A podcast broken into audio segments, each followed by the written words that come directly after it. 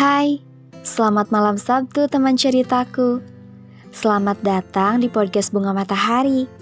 Hal sekecil apa pun yang sudah terjadi, jangan lupa ya untuk disyukuri. Mari berbagi cerita tak hanya tentang bahagia ataupun tawa, tapi juga tentang duka maupun luka. Alhamdulillah, seneng banget masih bisa menyapa teman-teman semua. Eh, by the way, apa kabar? Di podcast yang pertama kan udah perkenalan. Jadi boleh dong kalau sekarang nanyain kabar. Bukannya biasanya juga gitu kan?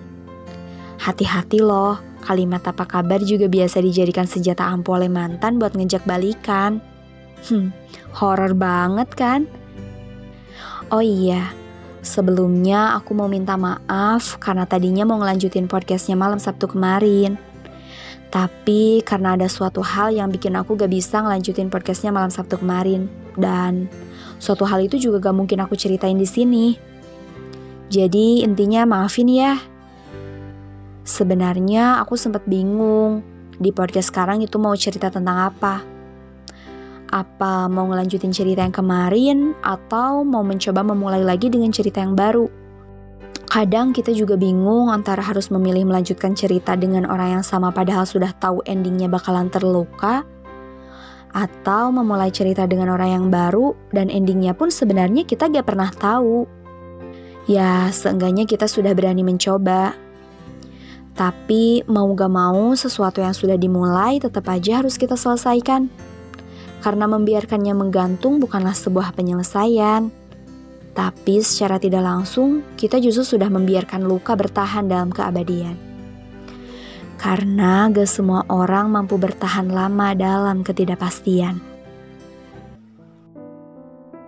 Andai saja kamu tahu dari awal kita ketemu, atau lebih tepatnya dari sejak kita memulai percakapan itu, sebenarnya kalimat tanya sudah tak asing lagi muncul di kepalaku setiap pesan yang kamu kirimkan kepadaku seperti, Deal, kamu lagi apa?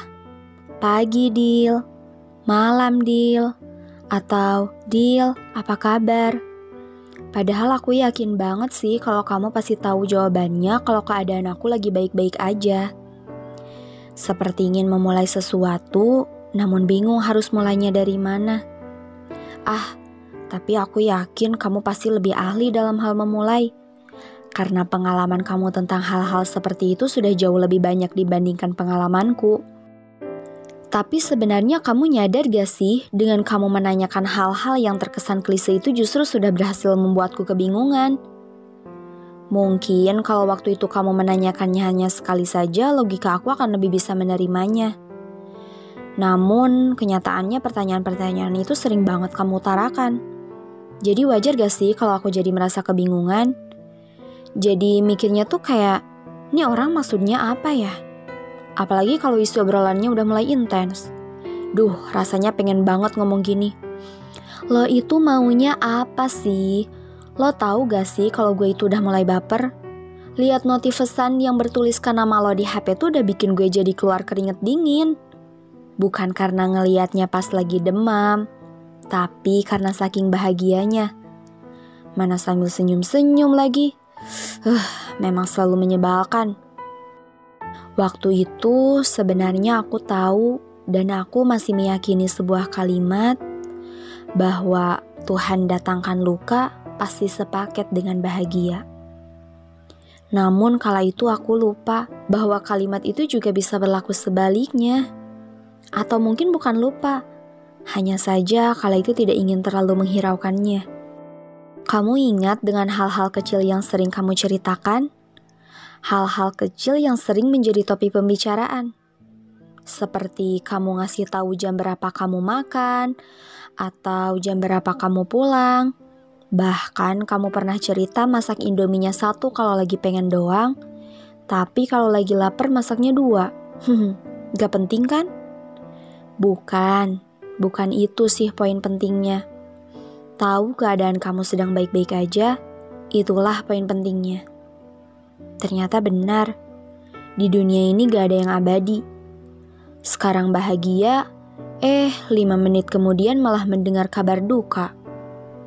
Sekarang kita saling memberi perhatian, tapi besok bisa aja buat sekedar menanyakan kabar malah jadi sungkan. Yang sekarang ada dalam genggaman, mungkin aja besok lepas. Sekarang menyatu, besok malah pisah. Karena apa? Karena kita gak pernah tahu akan masa depan. Balik lagi ke kalimat awal. Manusia hanya bisa berencana dan berusaha, tapi pemegang kendali utama tetaplah yang maha kuasa. Karena tentang hari esok, kita gak pernah tahu. Maka dari itu, jangan lupa mempersiapkan ya. Karena kepergian adalah suatu kepastian. Terima kasih sudah mau mendengarkan. Sampai jumpa di cerita selanjutnya.